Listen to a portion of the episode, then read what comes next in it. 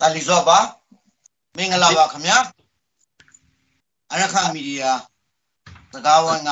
ပြန်လေကြိုဆိုလိုက်ပါတယ်ဒီကနေ့မြန်မာတက်က1383ခု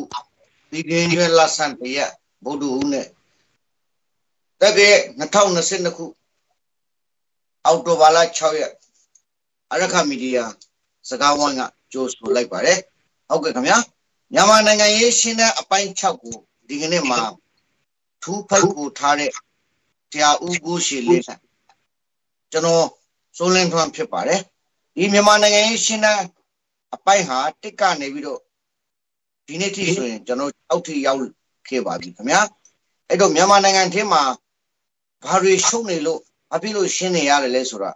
အပိုင်းတစ်ကငါးကိုကြည်ထားတဲ့သူတွေလည်းသိတဲ့သိတဲ့တော့သိလို့နေပါပြီလို့ကျွန်တော်တို့ယုံကြည်ရပါတယ်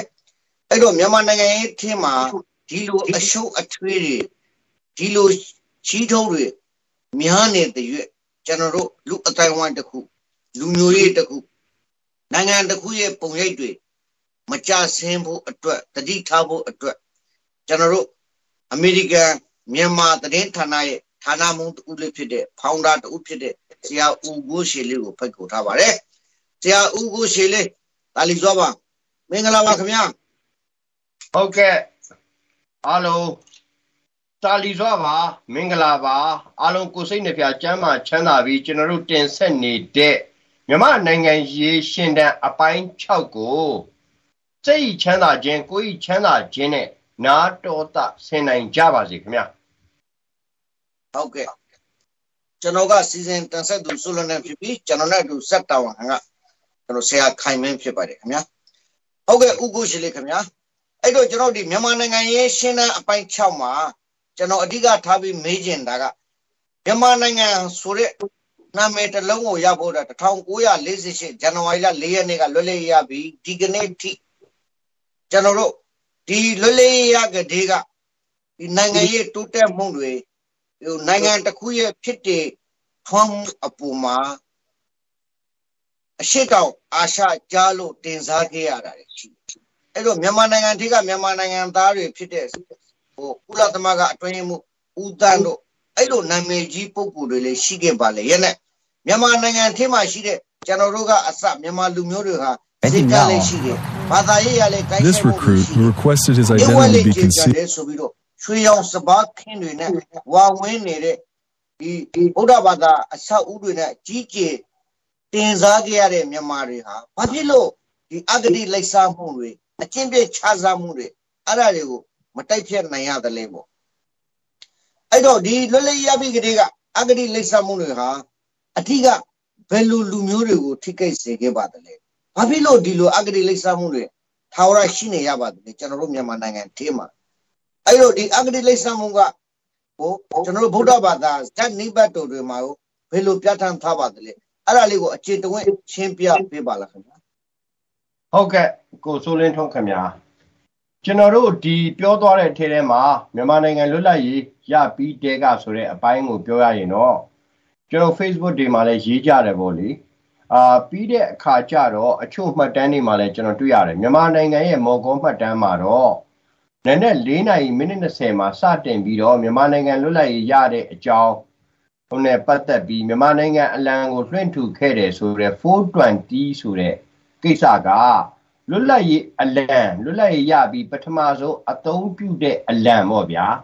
အဲ့ဒီအလံစလွှင့်ထူတဲကကွာ420နဲ့လွှင့်ထူခဲ့တယ်လို့လည်းအဲဆိုကြပါတယ်ဒါကအပိုင်းတစ်ပိုင်းမှာဒါဆိုရင်ကျွန်တော်က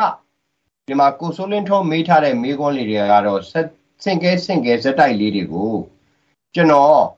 ပညာရှင်ရှုထောင့်ကနေကျွန်တော်ရှင်းရှင်းလင်းလင်းပြောပါမယ်ကျွန်တော်လုံးမချပါဘူးဟုတ်ကဲ့ချစားမှုအဂရိလိုက်စားမှုနဲ့ပတ်သက်ပြီးအာကျွန်တော်လေ့လာခဲ့ရတဲ့တက္ကသိုလ်တွေကျွန်တော်ဖတ်ရှုခဲ့ရတဲ့စာတမ်းတွေ ကျွန်တော်ရဲ့ဘဝဖြတ်တန်းမှုတွေနဲ့ကျွန်တော်တွေးကြုံခဲ့ရတဲ့အတွေ့အကြုံတွေနဲ့နောက်ဆုံးတူတူတုတ်တုတ်ကျွန်တော်တွေးနိုင်တဲ့အချက်ကတော့မြန်မာနိုင်ငံဟာ GDP လို့ခေါ်တဲ့လူတဦးချင်းရဲ့ရသုံးဝင်ငွေအာပြီးတဲ့အခါကျတော့အဲ့ဒီဝင်ငွေတွေပေါ်ကအာသတ်မှတ်ထားတဲ့ဒီလူတဦးချင်းရဲ့နှစ်စဉ်ဝင်ငွေတွေပေါ်ကရရှိတဲ့အခြေအနေတွေပေါ်ကိုမှမှ ဘလို့ကောင်းပုံဖြတ်ခံလိုက်ရလဲဆိုတဲ့အခြေအနေတွေကြောင့်ဗမာပြည်ကနေ့ထိကိုနလန်မထူပဲလူလုံးမလှပဲဖြစ်ရတဲ့အကြောင်းကိုကျွန်တော်ပညာရှင်ဆန်ဆန်ကျွန်တော်ပြောချင်ပါတယ်တစ်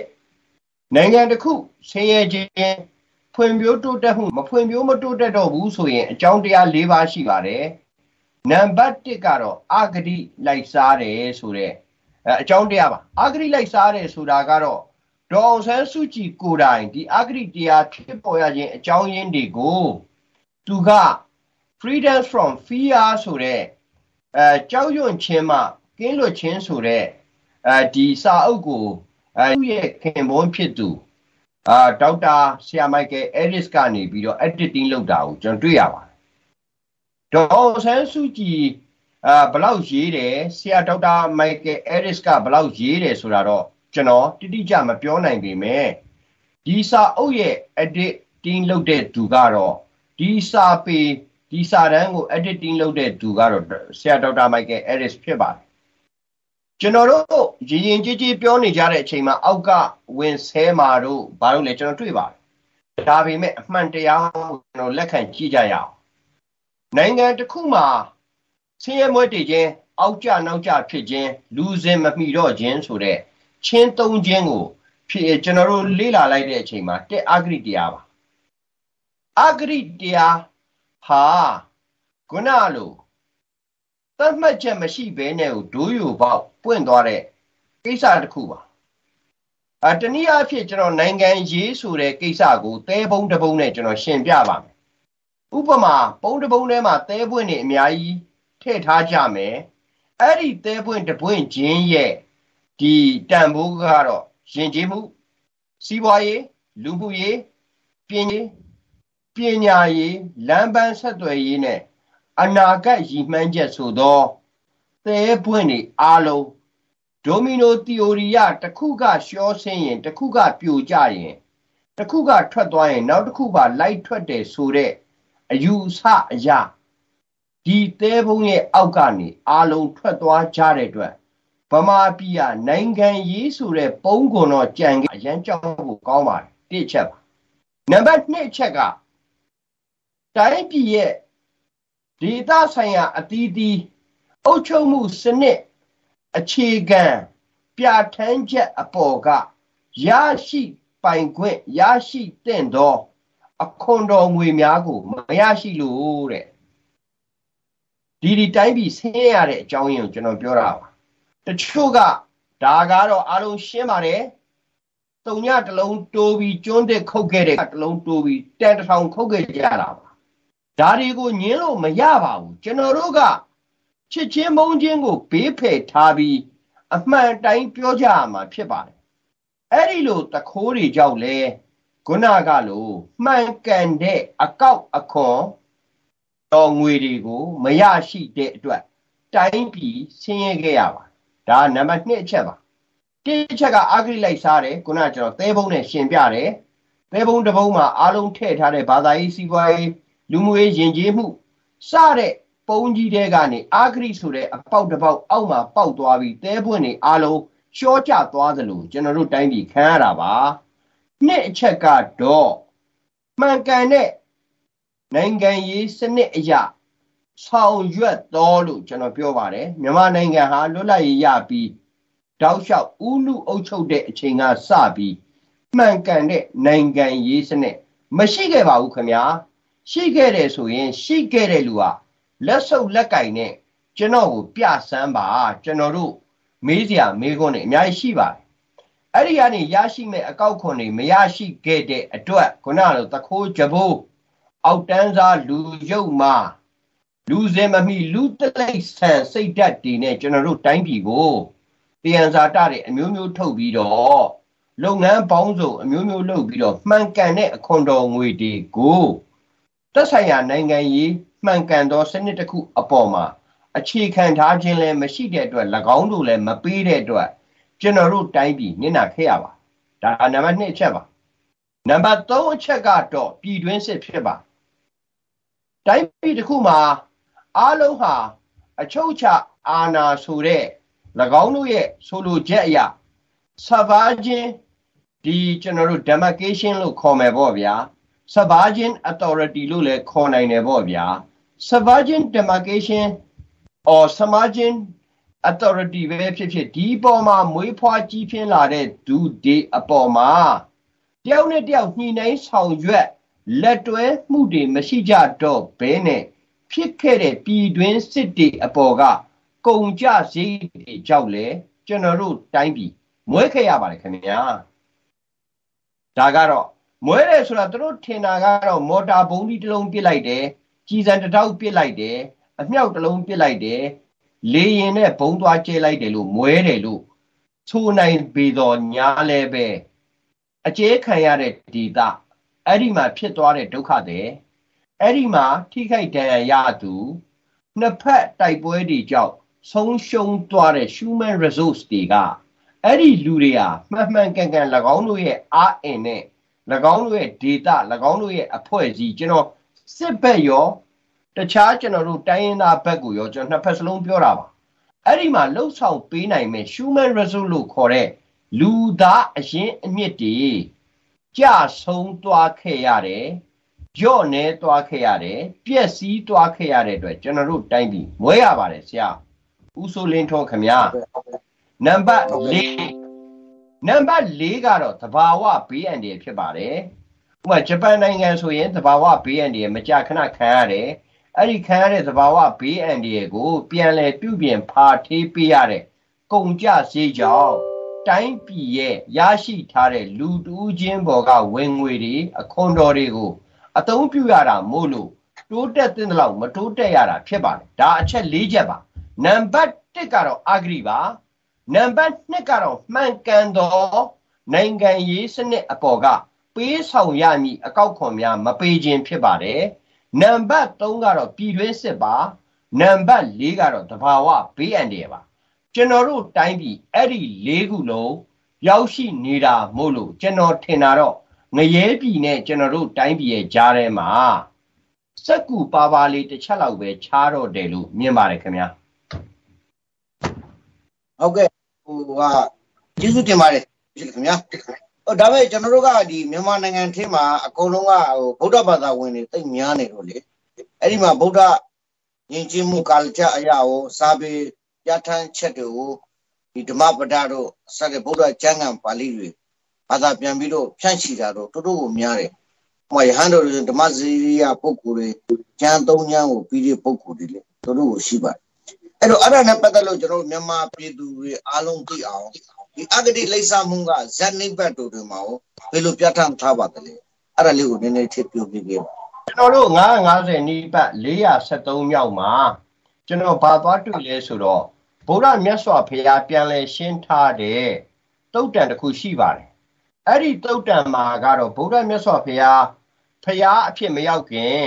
၎င်းတို့ယုတ်ကစိုးဖြစ်နေတဲ့အချိန်မှာညီတော်အနန္ဒာကတော့ကျွန်းပင်ဆောက်သောယုတ်ကစိုးနဲ့ဗုဒ္ဓမြတ်စွာဘုရားကတော့ထိန်ပင်ဆောက်သောယုတ်ကစိုးဆိုပြီးတော့ယုတ်ကစိုးနှစ်ခုပိုင်းခြားပြထားတာကိုတွေ့ရပါတယ်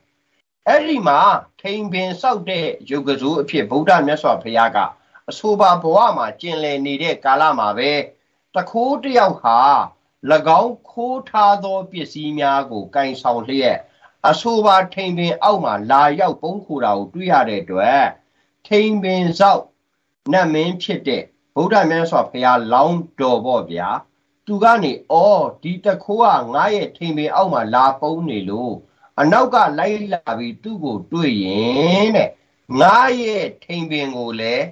ရှိနေတဲ့အကိုင်းခက်တဲကအချို့သောအကိုင်းခက်ကိုခုတ်၍၎င်းအားတခြင်းရှူတတ်ပြီးတော့ငါထိန်ပင်ကိုလှဲပြီး၎င်းအားမီးသင်းပြူတတ်လိုက်မဲ့သဘောမျိုးအဲ့ဒီမှာပြဋ္ဌာန်းထားတဲ့ဥပဒေတွေရှိတဲ့အတွက်တူခိုးတာငါနဲ့မဆိုင်ဘဲနဲ့ငါထိန်ပင်အောက်မှာလာပုံးနေတဲ့အတွက်ငါထိန်ပင်ကြီးကတော့အခုတ်ခံရပါလိမ့်မယ်ဆိုပြီးတော့အဲဗုဒ္ဓမြတ်စွာဘုရားကအဲ့လို သူ့ရဲ့အလောင်းတော်ဘဝဒီမဖြစ်သေးတဲ့ဘဝတစ်ခုမှာအတွေးပေါက်ပြီးထိန်ပင်ဆောက်ကနေသူကကျွန်းပင်စောက်တော့ညီတော်အနန္ဒာကိုတိုင်ပင်တဲ့ညီတော်အနန္ဒာကလည်းဟာဒါဆိုရင်ထိန်ပင်ကမြင့်နေလို့တက်ခုတ်လို့မရရင် သူနဲ့ဘေးချင်းရှင်ပေါက်နေတဲ့ကျွန်းပင်ကိုခုတ်ပြီးတော့လောက်ရကြည်ရဲ့ဆိုတော့သူတို့နှစ်ယောက်စလုံးကတခိုးကိုဆင်းပြီးတော့မင်းဒီမှာမနေသင့်ဘူးမကြခင်မင်းနောက်ကိုဒီလူတွေလိုက်လာမယ် အဲ့ဒီလူတွေလိုက်လာတဲ့အတွက်မင်းလည်းအဖမ်းခံရမယ်မင်းအဖမ်းခံရရင်ငါတို့လည်းအဆင်မပြေဘူးဆိုတော့မှန်မှန်ကန်ကန်ပြောတဲ့အတွက်တခိုးကထွက်သွားတဲ့အဲ့ဒါဆိုရင်အဲ့ဒီနောက်မှာလိုက်လာတဲ့သူတွေကဒီထိန်ပင်အောက်မှာပျောက်သွားတယ်ဆိုပြီးရှာရင်ရှာရင်နဲ့မတွေ့တော့တွေးတာတွေးလိုက်လို့ကတော့ကွာတဲ့ဒီထိန်ပင်ရဲ့အကိုင်းအပင်တွေအကုန်လုံးကိုမင်းတကူလုံးပြကြအောင်မီးရှို့ပစ်ပလိုက်မယ်ဆိုပြီးတော့ ပြောခဲ့တဲ့950နိပတ်တော်ထဲမှာဒီနိပတ်တော်ရှိတယ်ဆိုတာကိုမြန်မာဗုဒ္ဓဘာသာတွေပြန်လည်လေ့လာဖို့လိုအပ်ပါတယ်အခုကတခိုးဖြိုးမင်းသိန်းကအောင်ဆန်းစုကြည်ဆိုတော့ထိန်ပင်အောက်မှာဝင်ပုန်းတာကို အောင်ဆန်းစုကြည်ကလက်ခံလိုက်တဲ့အတွက်ထိန်ကိုင်းကိုဖြတ်ပြီးတခြင်းရှုခံရတယ်လို့ထိန်ပင်နဲ့မီးသင်းကြူတော့မဲ့အခြေအနေမျိုးရောက်နေတယ်လို့ကျွန်တော်တွေ့ရပါတယ် ဒါအပိုင်းတစ်ပိုင်းပါဟုတ်ကဲ့ကျေးဇူးတင်ပါတယ်ခင်ဗျာဒုတိယအပိုင်းတစ်ပိုင်းပြောချင်တာကတော့အဲကျွန်တော်ဘာပြောနိုင်လဲဆိုတော့ကောသလမင်းအိမ်မက်16ချက်မှာယတနာတိရိတင်ကြီးရွှေခွက်ကိုအဲ့ဒီမှာခွေးတကောင်ကသေးပန်းသွားတာကို တွေ့မြင်ရပါလိမ့်မယ်အဲ့ဒီယတနာတိရိတင်ကြီးရွှေခွက်ကို ခွေးတကောင်သေးပန်းသွားတဲ့အခြေအနေကတော့ဖြိုးမင်းသိန်းကတော့အဲ့ဒီသေးပန်းနဲ့ခွေးပါဒေါ်အောင်ဆန်းစုကြည်ကတော့နိုဘယ်ငြိမ်းချမ်းရေးဆုရှင်တယောက်ဖြစ်တယ်လို့ကမ္ဘာ honorable အာလုံးပေါင်း108ခုရထားတဲ့သူဖြစ်တဲ့အတွက်အခုသူ့ရဲ့တက်တေကံထွက်ချက်တွေနဲ့ဒီရွှေခွက်ကခွေးသေးပန်းခံလိုက်ရတဲ့အခြေအနေမျိုးကောတလမင်းအိမ်မက်16ချက်နဲ့ ကျွန်တော်ခုနတတုချညှိနှိုင်းပြီးတော့ပြောနိုင်ပါတယ်ခင်ဗျာဟုတ်ကဲ့တော်တော်လေးကိုမှတ်သားစရာကောင်းတဲ့စကားတွေပါအမှန်တကယ်လေတန်ဖိုးထိတဲ့တင်ကြီးရွှေကွက်ဟာဘာမဟုတ်တဲ့ခွေးတကောင်သေးပန်းလိုက်လို့တန်ဖိုးမေ့သွားတယ်လို့မျိုးအမှန်တကယ်ဇက်နိဘတ်တို့အထောက်တာနဲ့မျိုးခဲ့တဲ့ဆရာဥပုရှိလေးကိုအထူးကျေးဇူးတင်ပါတယ်ခင်ဗျာဟုတ်ကဲ့ ဥပုရှိလေးခင်ဗျာအခုဆက်လက်ပြီးတော့ဒီဖြိုးမင်းသိန်းကိစ္စကစားလာတယ်ဆိုတော့ဒီမြန်မာနိုင်ငံထဲမှာကျွန်တော်တို့ဒီရန်ကုန်တိုင်းဒေသကြီးအထက်ကနေရာမှာအုပ်စိုးရေးအရာကြီးကြီးဖြစ်တဲ့ဒီဥဖြိုးမင်းသိန်းအဲ့တော့ဒီမီဒီယာတချို့တွေမှာဥဖြိုးမင်းသိန်းကိုပုံဖော်နေကြတာကသူဟာစစ်တပ်ကတက်ရှိုသွေးခွေးပြီးတော့ NLD ပါတီကိုဖြိုခွေးဖို့လွှတ်လိုက်တဲ့သူရှိုတယောက်လို့ဒလန်တယောက်လို့လေပုံပေါ်ထားတာတွေ ကျွန်တော်တွေ့ရတယ်ခင်ဗျဟိုပြီးတော့ဒီတစ်ခါမှာတို့အောင်ဆန်းစုကြည်ရဲ့မလိမ္မာမှုန့်ကြောင့်အယုံကြည်လွန်းတာကြောင့်ဦးဖြိုးမင်းသိန်းကခုနကလိုဟိုဟာတင်ကြီးရွှေခတ်မှာတေးပန်းတယ်လို့မျိုးအဲ့လိုမျိုးလေဝေဖန်တာတွေရှိတယ်ဒါပေမဲ့ဘသူကဘသူပဲဝေဖန်ကြစေကမို့ကျွန်တော်ကဆရာဦးကိုကြီးလေးကိုမေးနေတာကဒီဒိုအောင်ဆန်းစုကြည်နဲ့ဖြိုးမင်းသိန်းကိစ္စမှာဖြိုးမင်းသိန်းကဖုန်ကုန်လောက်လိုက်လို့ ဒိုအောင်ဆန်းစုကြည်ကဒုက္ခရောက်သွားရတယ်ဥပမာဒေါ်လာ6သိန်းနဲ့ရွှေစင်ခုနှစ်ပိတ်တာတို့သတင်းတွေထွက်လာတဲ့အပေါ်မှာဦးဖြိုးမင်းသိန်းကလိမ်မာသွားတယ်ဦးမျိုးဖြိုးမင်းသိန်းကတကယ်တိုတဲ့ပုံကိုလို့အများကြီးဟိုတစ်ဖက်တိုက်ရှိကျူးထိုးပနာတွေတွေ့နေရတယ်အဲ့တော့ဒီကိစ္စမှာကျွန်တော်တို့ကမီဒီယာဆိုလို့မြတ်မြတ်တတ်တတ်တို့အောင်ဆန်းစုကြည်ကိုလည်းကျွန်တော်တို့ကမကောင်းတာတွေ့ရင်မကောင်းတာဘက်ကပြောတယ်အကောင်းတွေ့ရင်အကောင်းတွေကပြောတယ်လို့ဒါပေမဲ့ဒီကိစ္စမှာဖြိုးမင်းသိန်းကကို 6ပြည့်ကင်းလေးလေးစင်မမလားဦးကုရှင်လေးနေနဲ့ဖြိုးမင်းသိန်းအကြောင်းလေးတွေကိုကြည်ကြည်ပြန့်ပြန့်လေးကိုတင်ဆက်ပေးပါလားဗျဟုတ်ကဲ့မင်္ဂလာပါကျွန်တော်အမင်္ဂလာစကားတွေကိုပြောရမှာမို့လို့အာဒီရန်ကုန်တိုင်းဝန်ကြီးချုပ်ဟောင်ဦးပြိုးမင်းသိန်းနဲ့ပတ်သက်တဲ့ကိစ္စလေးတွေကိုကျွန်တော်ထောက်ပြပါမယ်။ဒါဆိုရင်ကျွန်တော်တို့အမှတ်1ထောက်ပြချက်ကိုကျွန်တော်တို့အာရခမီဒီယာကဖော်ပြလိုက်ရင်သိကောင်းပါမယ်။ကျွန်တော်လွတ်တော်တဲက စာရွက်စာတမ်းတွေကိုကျွန်တော်ယူခဲ့တာဖြစ်ပါတယ်။ဟုတ်ကဲ့အခုအာရခမီဒီယာမှာစာအမှတ်3မြင်းဆောင်6 dash အဲနှစ်15စိုက်မွေရက်ဆွဲ2020ပြည့်နှစ် AB လ9ရက်ဆိုပြီးဖော်ပြထားတာဖြိုးမင်းသိန်းရဲ့တခိုးဇလန်းကြီးပါဒါဟာလွတ်တော်ရဲ့စီးရင်စစ်ချုပ်ရန်ကုန်တိုင်းရဲ့စီးရင်စစ်ချုပ်ဒေါခင်တန်းလှကိုတိုင်တင်သွင်းခဲ့တဲ့ဥစ္စာတွေကိုဗိုလ်ချုပ်မှုကြီးမင်းအောင်လှိုင်ကမျက်ကွယ်ပြုပြီးတော့ ဒေါ်အောင်ဆန်းစုကြည်တယောက်တည်းကိုပဲပုံမူပြစ်ဒဏ်ထိုက်စီလိုတဲ့အလို့ငါဆောင်ရွက်ခဲ့တာကတော့ရှင်းရှင်းပြောရင်တော့ငါးချက်သားပဲလေးတဲ့အလေးနောက်ကိုမလိုက်ပဲတပိတ်တာလေးတဲ့အလေးနောက်ကိုလိုက်တဲ့အတွက်ငါးချက်သားကိုနစ်နာအောင်လုပ်တဲ့သဘောပါပြောချင်တာကတော့ဖြိုးမင်းသိန်းဟာတရားလူပြတက်တည်ဖြစ်၎င်းရဲ့ခိုးခဲ့၎င်းရဲ့ဖွက်ခဲ့နှိုက်ခဲ့၎ င်းရဲ့တိုက်ခဲ့တာတွေအားလုံးကိုကင်းလွတ်ခွင့်ပေးပြီးတော့ဒေါ်အောင်ဆန်းစုကြည်ကို၎င်းကနေပြီးတော့ဒေါ်လာ6သိန်းနဲ့ရွှေစင်အာ6ပိတ်တာ9ပိတ်တာပေးလိုက်ရတဲ့ကိစ္စတစ်ခုတည်းကိုသာလျင်ရှေ့ကို၎င်းတို့ကအရေးယူထားတယ်ဆိုတော့ကဲအခုကျွန်တော်တို့ဓမ္မတင်ပြတဲ့စာရွက်ကြီးကိုကဲဗိုလ်ချုပ်မှုကြီးမင်းအောင်လှိုင်ခင်ဗျဘလို့ရှင်းမလဲရန်ကုန်မြို့တော်စီပင်သားရေးကော်မတီမြို့ပြစီမံကိန်းနဲ့ မြေစီမံခန့်ခွဲရေးဌာနရဲ့2019-2018ဘန်ဒါရေးနဲ့အဲ့ဒီမှာမီနီလုပ်ငန်းတွေနဲ့စီးရင်များတွေးရှိချက်အရာရန်ကုန်တိုင်းဒေသကြီးအစိုးရအဖွဲ့သတ်မှတ်ပေးတဲ့ဈေးနှုန်းရန်ကုန်ပက်ထရိုတော့ company limited မြေနေရာ3ခု area 64.838ဧကနဲ့2018-2019နှစ်အတွင်းမှာ3.5ဧက အထူးဝန်ဆောင်ကနှုံးထားဖြင့်ရောင်းချမြေငါစာချုပ်ဂရန်ခွင့်ပြုထုတ်ပေးထားခြင်းဟာတဲ့အနှိမ့်ဆုံးကာလပေါက်ဈေးနဲ့ပြည်တွင်းခင်ဦးစီးဌာန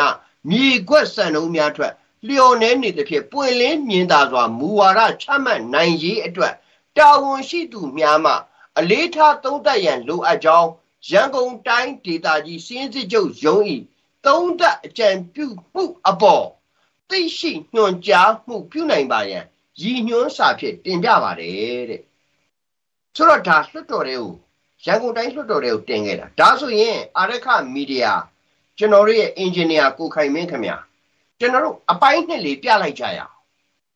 ဘိုးချုပ်မှုကြီးမင်းအောင်လိုက်ခင်ဗျာတခိုးအားပေးပါခင်ဗျာတခိုးတယောက်ကိုဖမ်းဖို့အတွက်ခုနကငွေ6ဒေါ်လာ6သိန်းရွှေစင်6ပိတ်တာ ခုနှစ်ပိတ်တာထက်များပြီးခိုးရတဲ့တခိုးကိုခင်ဗျားက6ပြက်ကင်းသဲလင်းစင်လုတ်ပြီးတော့တစ်ဖက်သေးခုပဲခင်ဗျားဖိနှိပ်နေတဲ့အတွက်ဒီတခိုးရဲ့မူရင်းပြဿနာကိုကျွန်တော်တို့လေ့လာထားတာဖြစ်ပါတယ်လိုက်ထားတာဖြစ်ပါတယ်ဒါကြောင့်ဒေါအောင်ဆန်းစုကြည်သိရမယ့်အချက်ကတတ်တတ်ဖြစ်ပြီးဘိုးချုပ်မှုကြီးမင်းအောင်လှိုင်ရဲ့တမာတမတ်မကြပဲနဲ့ တခိုးအားပေးပြန်လှုပ်ထားပြီးကျွန်တော်တို့ပြည်သူနစ်နာနေတဲ့အချက်ကခိတဲ့ခင်မီမီပွိုက်စနစ်တက်ဆင်ခြင်းနဲ့ထိန်းချုပ်ရေးစင်တာတိဆောက်ခြင်းအတွက်နိုင်ငံတော်တဲ့နော်ဆုံးရှုံးနစ်နာမှုငွေ20ဘီလီယံအကြောင်းကိုတင်ပြလိုတယ်ဆိုတာကအဲ့ဒါရန်ကုန်တိုင်းစီရင်စစ်ချုပ်ဒေါ်ခင်တန်းလှတင်သွင်းခဲ့တာဖြစ်ပါတယ်2015-2016ခုနှစ်ဘန်ဒါရေးနှစ်ရန်ကုန်တိုင်းဒေသကြီး ရင်ကျော်ပိတ်ဆို့မှုကို ရှင်းလင်းဖို့တဲ့မြန်မာရွှေရင် International Company Limited and China Railway 21 Street Bureau Group တို့ကသဘောတူစာချုပ်ချုပ်ခဲ့တယ်အခုအဲ့ဒါဘာမှမဖြစ်ဘဲနဲ့ဘီလီယံ20ပျောက်သွားတယ်အဲ့ဒါကိုသဘောတူခဲ့ပြီးစတင်အကောင့်ထည့်ခဲ့တာဖြိုးမင်းသိမ့်ဖြစ်ပါတယ်ဘူချုပ်မှုကြီးမင်းအောင်လိုက်ခင်ဗျားနည်းနည်းများသွားပြီခင်ဗျားထတ်လျှော့ ခင်ဗျားကတခိုးကိုတက်သေးလုပ်ပြီးတော့တတိုင်းပြည်လုံးတိုင်းနဲ့ပြည်နယ်14ခုရရှိမဲ့အခွန်ဘန်ဒါငွေတွေအကုန်လုံးကိုဒီကောင်တဝက်90ရာခိုင်နှုန်းတတိုင်းပြည်လုံးရဲ့90ရာခိုင်နှုန်းကိုဒီကောင်ခိုးခဲ့တာကိုခမများခွင့်လွတ်တယ်ဆိုရင်ခမများလေတခိုးနဲ့ကြံရပါဖြစ်တယ်လို့ကျွန်တော်ပြောနိုင်တဲ့အတွက်ဟုတ်ကဲ့အာရခမီဒီယာကကျွန်တော်တို့အင်ဂျင်နီယာကိုခိုင်မင်း နောက်ကျွန်တော်တို့ file လေးတစ်ခုပြပေးလိုက်ပါဗျာဟုတ်ကဲ့ဓမ္မတွေ့ကြတဲ့အတိုင်းပါပဲကျွန်တော်တို့တွေ့ကြတဲ့အတိုင်းထဲမှာ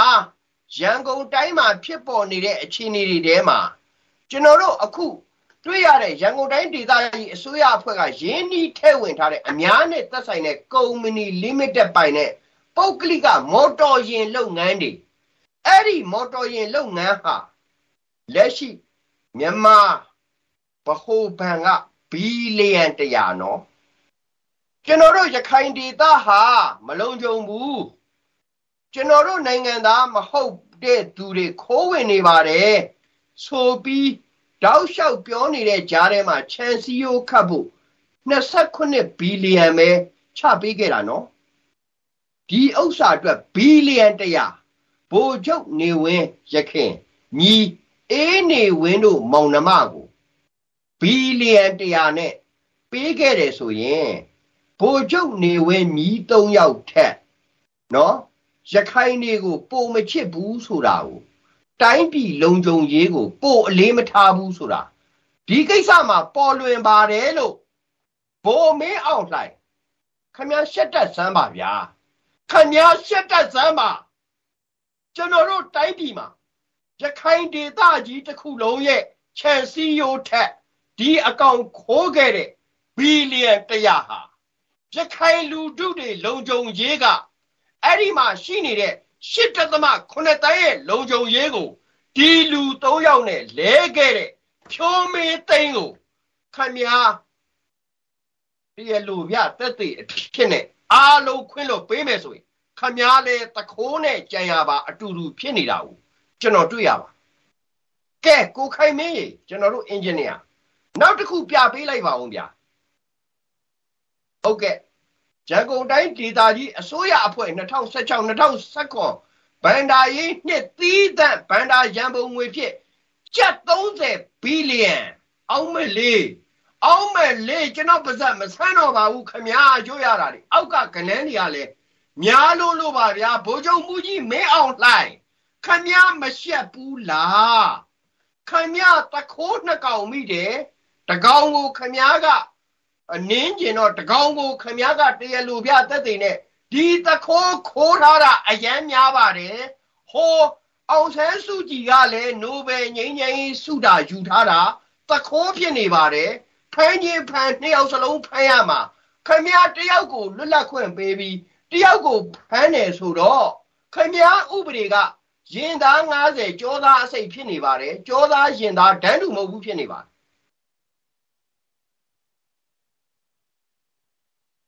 ကျွန်တော်ပြောတာရှင်းပါတယ်ကျွန်တော်ဗတ်မလိုက်ပါဘူး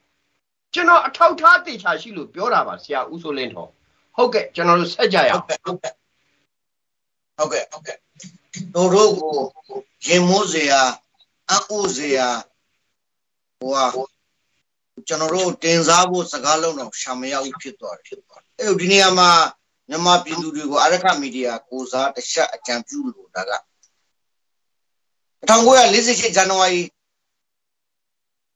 ဒီကလွတ်လပ်ရပြီဒီကနေ့2020ခုနှစ်ထိကျွန်တော်တို့ဥကိုကြီးလေးတင်ပြသွားတဲ့အချက်တွေဖြစ်မှာအကုန်လုံးမပါပေမဲ့ကျွန်တော်တို့ဟိုးအင်္ဂလိပ်ခိတ်တွေဂျပန်ခိတ်တွေပြီးတော့ဒီလွတ်လပ်ရစဟိုအင်္ဂလိပ်ခိတ်နဲ့ဂျပန်ခိတ်တို့ထားပါတော့အဲကျွန်တော်တို့ခိုက်မှမဟုတ်တာတို့မြန်မာနိုင်ငံလွတ်လပ်ရပြီဖာစာပလာခိတ်တို့ဦးနုခိတ်ပြီးတော့နေဝင်းခိတ်ပြီးတော့နာဝတာနာအပဒီလိုခိတ်တွေမှာကျွန်တော်တို့မသိပေနဲ့ခိုးထားတဲ့ပတ်စံတွေ နိုင်ငံတို့ငွေတွေနိုင်ငံတို့ဘဏ္ဍာတွေဘယ်လောက်များရှိလိမ့်မလဲဥကိုရှိလေအမေရိကန်မြန်မာသတင်းဌာနမှုကြီးထုတ်ပြတယ်လို့တခြားသတင်းဌာနတွေကလည်းဒီလိုမျိုးထုတ်ပြမယ်ဆိုရင်ကျွန်တော်တို့ဆုံးရှုံးသွားတဲ့ပတ်စံတွေကျွန်တော်တို့ပြည်သူတွေရဲ့ရွှေနေစာဘဏ္ဍာတွေမြေဖို့မြေအောက်တယံစဒတွေပြည်နေတွေကထွက်တဲ့ငွေတွေဘလောက်ထိသူတို့သူတို့စားတယ်လို့တောင်မ တင်စားခြင်းတော့ဝါပြီးမြူပြီးဆုတ်ထားတာကျွန်တော်တို့ကြားဘူးတဲ့ switch ဘန်တွေမှာထားတဲ့ပတ်စံတွေဟုတ်ကဲ့ခင်ဗျာဟိုဒါတွေအကုန်လုံးကိုခြုံငုံရရင်တော့ဒါတွေဟာအဂတိလိပ်စားတာတွေအချင်းပြခြားစားတာဟိုဒီလိုပဲမြန်မာနိုင်ငံမှာလက်ရှိခေါင်းဆောင်လုံးနေတဲ့လူတွေအကုန်လုံးကိုကြည့်ပြန်ရင်လည်းကျွန်တော်တို့ဟိုဟာလူမျိုးရေးအရာဗမာတွေကိုပြောတယ်လို့တချို့ကဆွဆွေးကောင်းဆွဆွအဲ့တော့မြန်မာနိုင်ငံထဲမှာဒီ leadership အများဆုံးကဗမာလူမျိုးတွေဖြစ်နေအဲ့တော့ဒီဗမာလူမျိုးတွေထဲမှာဒီလောက်ထိအဂတိလိုက်စားမှုတွေအချင်းချင်းခြားစားမှုတွေရှိနေမယ်ဆိုရင်ဒီဗမာလူမျိုးတွေကိုတခါတိုင်းရင်းသားပေါင်းစုံကကြားကန်ပေးပြီးတော့မျက်စိမိုက်ထောက်ခံပြီးတော့ဒီအဂတိလိုက်စားခွင့်တွေအအချင်းပြခြားစားမှုတွေလောက်ပိုင်ခွင့်တွေကိုဒီအတိုင်းထိုင်ကြည့်နေကြဆိုရင်တော့ကျွန်တော်တို့အနာဂတ်မှာဒီဗမာလူမျိုးတွေနဲ့ တခြားတိုင်းရင်းသားတွေဘယ်လိုပေါင်းစည်းလို့ရတော့မလဲဘလောက်ကြောက်ဖို့ကောင်းလဲဆရာဦးကိုကြီးလေးကိုကျေးဇူးလေးတင်ပါတယ်ဒီလောက်ထိတိတိကျကျကိုရှင်းပပလိုက်တာကျွန်တော်တို့ကထင်တာဒိုအောင်ဆန်းစုကြည်အချင်းပဲခြားစားတယ်ထင်တာဦးဖြိုးမင်းသိန်းကပို့ပြီးတော့တောင်ဆုံးနေတယ်အဲ့လိုဒီနေရာမှာကျွန်တော်တို့ဘသူမတာဘသူအတုပဆိုတာအကုန်လုံးပေါ်လင်သွားပါပြီဟုတ်ကဲ့ဥပုရှိလေခင်ဗျာအခုကျွန်တော်တို့ကဟိုမေးဖို့မေးခွန်းတောင် စဉ်းစားလို့မရတော့ဘူးနိုင်ငံတနိုင်ငံရဲ့ကြားရောက်နိုင်ငံတနိုင်ငံ image တွေနိုင်ငံတနိုင်ငံရဲ့ပုံရိပ်တွေအဲ့ဒီနိုင်ငံမှာနေထိုင်တဲ့လူတွေအားလုံးရဲ့ဂုဏ်သိက္ခာတွေဟာဒီနေရာမှာအကုန်လုံးကိုကြာဆင်သွားပါပြီအဲ့တော့ဒီဟာထေးကကျွန်တော်တို့ထွက်ပေါ်ရှာကြရအောင်လားဗျာအဲ့ဒါကမြန်မာနိုင်ငံမှာရခင်ဟိုယခုဟိုဒီအဂတိလိစ္ဆာမှုတွေဒီလိုတွေရှိနေတော့မယ်ဆိုလို့ရှိရင်ဒီနိုင်ငံရဲ့အနာဂတ်ကျွန်တော်တို့လူမျိုးတွေရဲ့အနာဂတ် ဘလို့နဲ့နဲ့အဆုံးတတ်နိုင်မလဲဥက္ကုရှိဒီအဂတိလိစ္ဆာမှုအချင်းချင်းခြားစားမှုတွေပြောက်အောင်လုပ်နိုင်မယ့်နေလန်းကောင်းများစီစီနေများရှိရင်ညွှန်ပြပေးပါဦးလားဗျာဟုတ်ကဲ့အာဂရိတိုက်ဖြတ်မှုနဲ့ပတ်သက်ပြီးတော့ကျွန်တော်တို့အာအများကြီးရှိပါတယ်လောလောလတ်လတ်ဟိုအမေရိကန်အစိုးရမှာ1ဘီလီယံဒေါ်အောင်ဆန်းစုကြည်အနှံထားတယ်ဆိုတဲ့ဒေါ်အောင်ဆန်းစုကြည်အစိုးရအနှံထားတဲ့အကြောင်းကျွန်တော်ပြောတာ ဗိုလ်ချုပ်မှုကြီးမင်းအောင်လှိုင်ကမြမနိုင်ငံသားရေးဌာနကိုဆက်သွယ်မေးမြန်းတော့ဒါမဖြစ်နိုင်ပါဘူးလို့ပြောပါတယ်ဒါဆိုရင်လွန်ခဲ့တဲ့16နိုင်အကြာက DVB ရဲ့မြမစီးပွားရေးဘယ်လိုဖြစ်နေပြီလဲဆိုတော့ရုပ်တံအစီအစဉ်တစ်ခုထုတ်လွှင့်တဲ့နေရာမှာ DVB သတင်းကြေညာသူကိုယ်တိုင်အမေရိကန်အစိုးရထံမှာဒေါ်အောင်ဆန်းစုကြည်အစိုးရက1ဘီလီယံအပ်ခဲ့ထားတာလေ ရှိနေပါတယ်လို့တရားဝင်ပြောခဲ့တယ်ဗျဒါဆိုရင်ဘုရားမင်းအောင်လှိုင်ကိုအားတော့နာပါတယ်စာသိမ့်မတက်လို့ပါနိုင်ငံရေးအရာတော့ကျွန်တော်မသိပါဘူးကျွန်တော်တို့ international သတင်းတွေ news တွေပြီးတဲ့အခါကျတော့ international က democrat တွေရဲ့ဒီ democracy တွေရဲ့ activist တွေရဲ့အယူဆတွေဒါတွေဟာဗမာပြည်မှာသူတို့သိတာ0အဆင့်လောက်ပဲရှိပါ တုံညမကွဲသေးပါဘူးကျွန်တော်ပြောချင်တာကတော့ဒါဆိုရင်ကျွန်တော်ပြောနိုင်တဲ့အချက်ကလောလောလတ်အမေရိကန်မှာခန့်ထားထားတဲ့1ဘီလီယံဒေါ်လာကိုအာဂျိုးဘိုင်ဒန်သမ္မတကြီးကလည်းပြောပါတယ်မီကီအေရှန်ဒီ CIA အဲဘက်ကပေးထားတဲ့ဒီ review စာဆောင်ကြီးကလည်းရေးနေပါတယ်ပြီးတဲ့အခါကျတော့ကျွန်တော်တို့ NUG ရဲ့ဗန်ဒါရေးတာဝန်ခံကလည်း BBC နဲ့ ဒီ1ဘီလီယံကိစ္စရှိကြောင်းပြောခဲ့ပါတယ်အခု DBB ပြောပါတယ်ဒါဆိုရင်မြန်မာနိုင်ငံသားရေးဝန်ကြီးဌာနကမဟုတ်ပါဘူးလို့ဆိုရင်တော့ကျွန်တော်ထင်တယ်ပေါင်းစားနေသလားလို့တော့ကျွန်တော်အံ့ဩပါတယ်နော်ဒီလောက်ကျွန်တော်အချက်လက်ပေါ်မှာပြောတာနော်စိတ်ကူးရင်မပါသူတို့ပြောတဲ့အချက်လက်ပေါ်မှာကျွန်တော်တို့အဖြေရှာဖို့ကျွန်တော်တို့တိုင်းပြည်ရတဲ့ရထိုက်တဲ့ပတ်စံပြန်ရဖို့ကျွန်တော်ပြောနေတာပါအာဒါအပိုင်းတစ်ပိုင်းပါ အာဒါဒါဒါကျွန်တော်တို့ဒါဒါလည်းအဂရိပဲလေဗျာအမေရိကန်မှာ1ဘီလီယံကြီးအပ်ဖို့အတွက်တော့လွှတ်တော်အမျိုးသားလွှတ်တော်နဲ့ပြည်ထောင်စုလွှတ်တော်ရဲ့ဆုံးဖြတ်ချက်ကိုခုနကကျွန်တော်တို့အင်္ဂလန်ကဒေါက်တာမိုက်ကယ်အဲရစ်အိမ်မှာထမင်းချက်ဖီဇာဖုတ်ခဲ့တဲ့ဒေါ်အောင်ဆန်းစုကြည်ပေါ့ဗျာတူတူတူအဲ့ဒီမှာအားမလုပ်ဘူးပါဘူးအင်္ဂလန်မှာဘာနိုင်ငံကြီးမှမလုပ်ပါဘူးကျွန်တော်အင်္ဂလန်ရောက်ပြီးပါပြီကျွန်တော် Oxford သူနေခဲ့တဲ့နေရာတွေမှာလည်းကျွန်တော်လိုက်ပြီးတော့ရိုက်ကူးပြီးပါပြီကျွန်တော် အဲ့ဒီကသက်ဆိုင်ရာတချို့နဲ့လည်းကျွန်တော်အင်တာဗျူးလုပ်ပြီးပါပြီเนาะအာသူတို့လည်းအရန်အံ့ဩပါတယ်ချီလဲကျူးပါတယ်လေးလဲလေးစားကြပါတယ်ဒါပေမဲ့သူတို့ရဲ့လေးစားမှုချီးကျူးမှုဟာဒီနေ့အဆုံးသတ်သွားတာကိုတွေ့ရပါတယ်ဘာဖြစ်လို့အဆုံးသတ်သွားလဲဆိုတော့နိုဘယ်ငြိမ်းချမ်းရေးဆုရှင်တယောက်ဗျာအာဒါကျွန်တော်ပုံပွင့်လင်းလင်းပြောပြတာနော်ကဘာပေါ်ကပေးထားတဲ့ဘွဲတွေလဲဟို honorary ပဲတွေလဲအများကြီးရထားတဲ့သူတယောက်ကဗျာ အာသူ့ဘာသာသူဖျားတဲ့တဲ့ចောင်းဆောက်ဆောက်ပေါ့ဟောဟိုဒီရွှေတွေကိုလက်ခံရလောက်အောင်မလုပ်တဲ့ဘူးလို့ကျွန်တော်မြင်ပါတယ်ကျွန်တော်တို့ impression down တယ်ပေါ့ဗျာအယက်သားနိုင်ငံကြီးကျွန်တော်တို့62တဲကကျွန်တော်တို့တိုင်းပြည်ကိုအာဏာသိမ်းပြီးတော့အော်ဝတ်စုံအမျိုးမျိုးလဲပြီးတော့ခေါင်းပေါင်းဆွတ်လိုက်ခုနဘုဖနက်စီးလိုက်နဲ့အုတ်ချုပ်လာတဲ့ကာလတစ်လျှောက်လုံးကျွန်တော်တို့ကြော်ဖြတ်ခဲ့ပြီး2015ကမှ လူဒုကတကယ်ဆန္ဒနဲ့အညီတင်မြှောက်တယ်ဆိုတော့အစိုးရတရရလိုက်တယ်အဲ့ဒီအစိုးရတရဟာနိုဘယ်ငြိမ်းချမ်းရေးဆုရှင်တယောက်ဦးဆောင်တဲ့အစိုးရဟာတာဝန်ယူမှုတာဝန်ခံမှုရွေးကောက်ပွဲမှာ၎င်းအနေနဲ့မဆောင်ရွက်လို့ပြည်စဲ2008ဥပဒေအရတပ်မတော်ကဂဏိအာဏာယူလိုက်တဲ့အခြေအနေရောက်သွားလောက်အောင်တူညံ့ဖြင်းခဲ့ရတာမို့လို့အယက်သားနိုင်ငံရေးကိုထဲထဲဝင်းဝင်း ကျွန်တော်တို့ပြောကြစတန်းဆိုရင်ရှက်ဖို့ကောင်းတယ်ဗျာဟိုအာဏာယူတဲ့သူကိုကျွန်တော်ဟောခုနဖားပြောနေတာမရှိပါဘူးကျွန်တော်ပြောနေတာအယက်သားနိုင်ငံရေးဟိုဘသူမှအထင်မကြီးတော့တဲ့အခြေအနေကိုကျွန်တော်ခံစားလိုက်ရတာ၅နှစ်လောက်ရလိုက်ပြီးကိုယ့်ရဲ့တာဝန်ယူမှုတာဝန်ခံမှုရွေးကောက်ပွဲမှာဖြည့်ရှင်းခဲ့မယ်ဆိုရင်ဒီအဆင့်ကိုဗိုလ်ချုပ်မှုကြီးမင်းအောင်လှိုင်ဆက်သွားကြည့်စမ်းပါကျွန်တော် ကိုစိုးလင်းထွန်ကျွန်တော်ဖြတ်တန်းလာတဲ့နှစ်30နိုင်ငံရေးမှာလမ်းဘေး or ဟို or ဒီ or နိုင်ငံရေးနဲ့ကျွန်တော်ဖြတ်တန်းလာတာမဟုတ်ပါဘူးကျွန်တော်တကယ်ဌာနတွေပြီးတဲ့အခါကျ diplomat တွေနဲ့ကျွန်တော်ဖြတ်တန်းလာတဲ့အတွက်သူသာတကယ်ဖြည့်ရှင်းလို့ဗိုလ်ချုပ်မှုကြီးမင်းအောင်လှိုင်ကဒီအာဏာယူခဲ့မယ်ဆိုရင်ကျွန်တော်တို့ကရှေ့တန်းကနေပြီးတော့တန်တမန်နီးတွေတည်င်းနီးပညာပေါင်းစုံနဲ့အရင်ဆုံး ဒီအာဏာယူမှုကိုတိုက်ခိုက်ကြတော့မှာဖြစ်ပါတယ်အခုကအယက်သားအစိုးရဖြစ်တယ်ဒီမိုကရေစီရရွေးကောက်တင်မြှောက်ထားတာဖြစ်တယ်တာဝန်ယူပြီးတော့ဒီရွေးကောက်ပွဲမဲမတမာမှုတွေမဲစင်းကွာဟမှုတွေကိုမဖြေရှင်းဘဲနဲ့အခုလိုဖြစ်သွားတဲ့သူ့ရဲ့တာဝန်ခံမှုအားနည်းခဲ့လို့တိုင်းပြည်အဲ့လိုဖြစ်သွားရတာကိုကျွန်တော်ခွင့်မလွတ်နိုင်ဘူးဗျာမိုက်ကယ်အဲဒစ်အိမ်မှာထမင်းချက်ခဲ့တဲ့ထမင်းချက်ကြီးကိုကျွန်တော်စိတ်ဆိုးတယ်ဗျာ ဒါကျွန်တော်ပုပ်ပွလင်းလင်းပြောတာပါ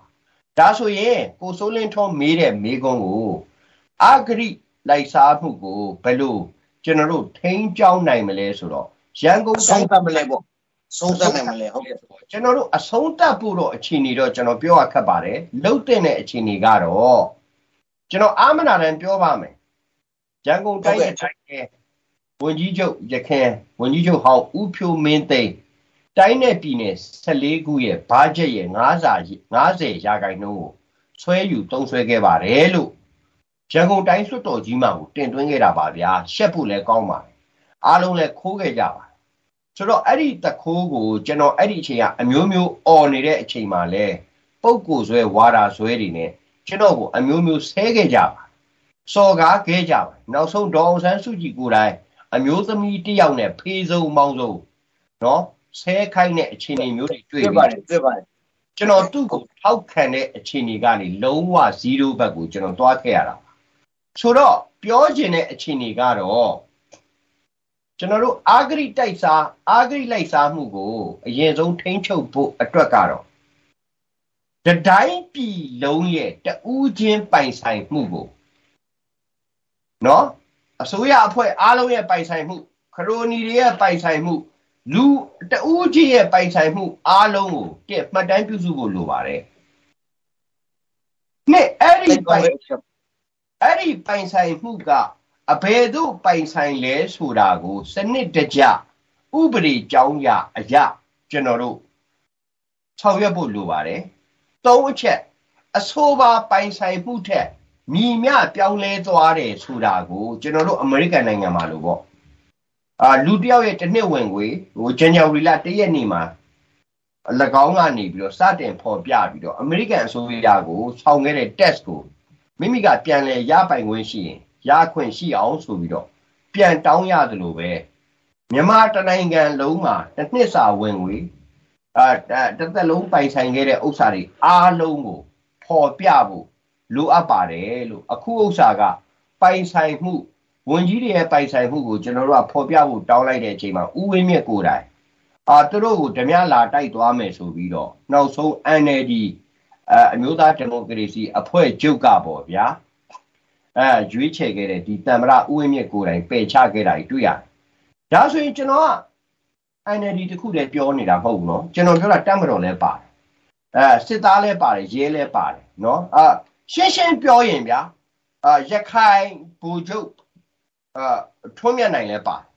သူလည်းကြည်ညာအာကျွန်တော်ကဗမာနိုင်ငံသားပြန်ဖြစ်မယ်အမေရိကန်နိုင်ငံသားကိုစွန့်လွတ်လို့ကျွန်တော်ကဗမာနိုင်ငံကိုပြန်ဝင်သွားပြီဆိုရင်ကျွန်တော်လည်းကြည်ညာဒါကြောင့်လူတဦးချင်းရဲ့ပိုင်ဆိုင်မှုကို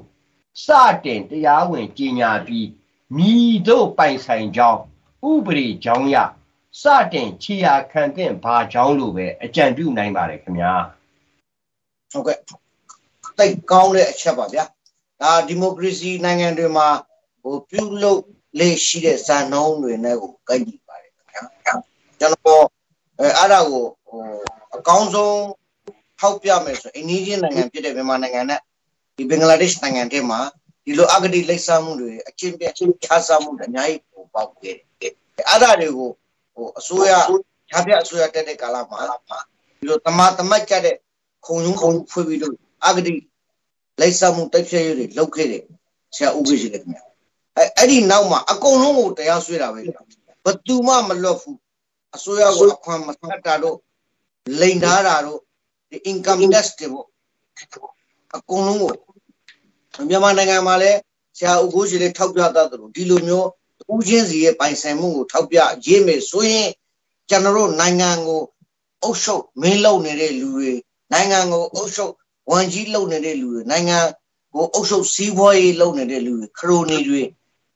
ခရိုနီမျိုးပြရောင်မျိုးစုံတွေပေါ့ဗျအဲ့လိုမြန်မာနိုင်ငံတည်းဟာမြန်မာနိုင်ငံအေဂျင့်တာယာပြီးတော့အဂတိလက်စားမှုတွေခုနလိုဟိုကျွန်တော်ဗုဒ္ဓဘာသာဖြစ်ပါလေအဒိနာဒါနကံတွေခိုးမှုမကျူးလွန်ပြီးဟိုဓမြမှုခိုးတာကနေတော့ခိုးတာများတော့ဓမြမှုတော့ကျွန်တော်တို့ဆိုလို ကွာကတနက်ကလေးပြပြီးတော့ဓာတ်ကိုပြပြီးဓမြတိုက်တာဒါအေးဓမြတိုက်တာအာနာနဲ့ဟိုဘတ်ဂျက်တွေကိုဝေငှပြီးတော့သူတို့ကိုရှက်ဖို့လေးကောင်းပါလေမြန်မာနိုင်ငံသားခံယူဖို့ရန်ကုန်မြို့သားခံယူဖို့တော့သူတို့ကိုရှက်စရာကောင်းတဲ့အဖြစ်အပျက်တွေနဲ့ကျွန်တော်ရင်ဆိုင်နေရပါတယ်ဆိုတော့အရက်ကမီဒီယာကဒီကနေ့ကျွန်တော်မြန်မာနိုင်ငံရေးရှင်းတဲ့အပိုင်း6မှာထိသွင်းပြောကြားသွားခြင်းဖြစ်ပါတယ်ခင်ဗျာဟုတ်ကဲ့ဥက္ကိုရှိလေခင်ဗျာ ဒီမြန်မာနိုင်ငံရဲ့အပိုင်း6ရှင်းတဲ့နဲ့ပတ်သက်ပြီးတော့ဟိုနောက်ထပ်တစ်ခုဖြစ်ဆွပြောသွားလို့တာရှိလို့ရှိရင်နိုင်ငံချုပ်အနေနဲ့အဲ့ဒါလေးကိုဖြစ်သွင်းပြောကြားပေးပါလားခင်ဗျာဟုတ်ကဲ့ကျွန်တော်ညီကုန်းချုပ်အနေနဲ့ပြောမယ်ဆိုရင်တော့ကျွန်တော်တို့ဟာထေရဝါဒဗုဒ္ဓဘာသာနိုင်ငံဖြစ်ပါတယ်ထေရဝါဒဗုဒ္ဓဘာသာနိုင်ငံရဲ့ပထမဆုံးရှိကားတစ်ကတော့၅ပါးတီလာပါ